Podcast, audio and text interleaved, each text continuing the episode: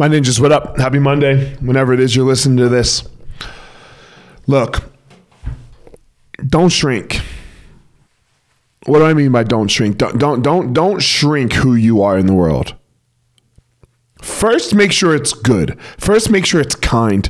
First, make sure that that who and how you're showing up is how it is you want to be showing up in the world in a good, kind, helpful, uh, balancing your altruistic and narcissistic ways right? Like that that's the first work. But then after that don't shrink. Don't make yourself smaller to appease other people.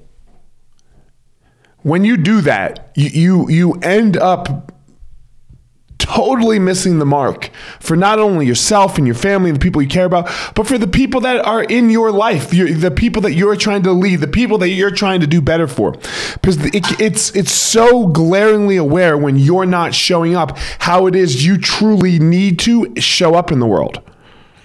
And let me be clear, I'm not talking about this this toxic behavior of I'm the fucking man or or or or be a man or or any of that thing, any of those things that get labeled as toxic masculinity. I'm, I'm, I'm not talking about that.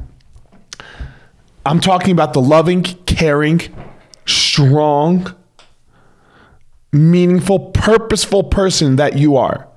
It's not always loud. Look, I'm loud. I know I'm loud, right? I'm loud in everything I do. Okay. For you, it might not be that. It might not be the your volume but don't shrink.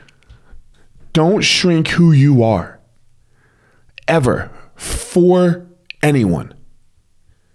Discover your passion, find your power, go give your purpose to the world.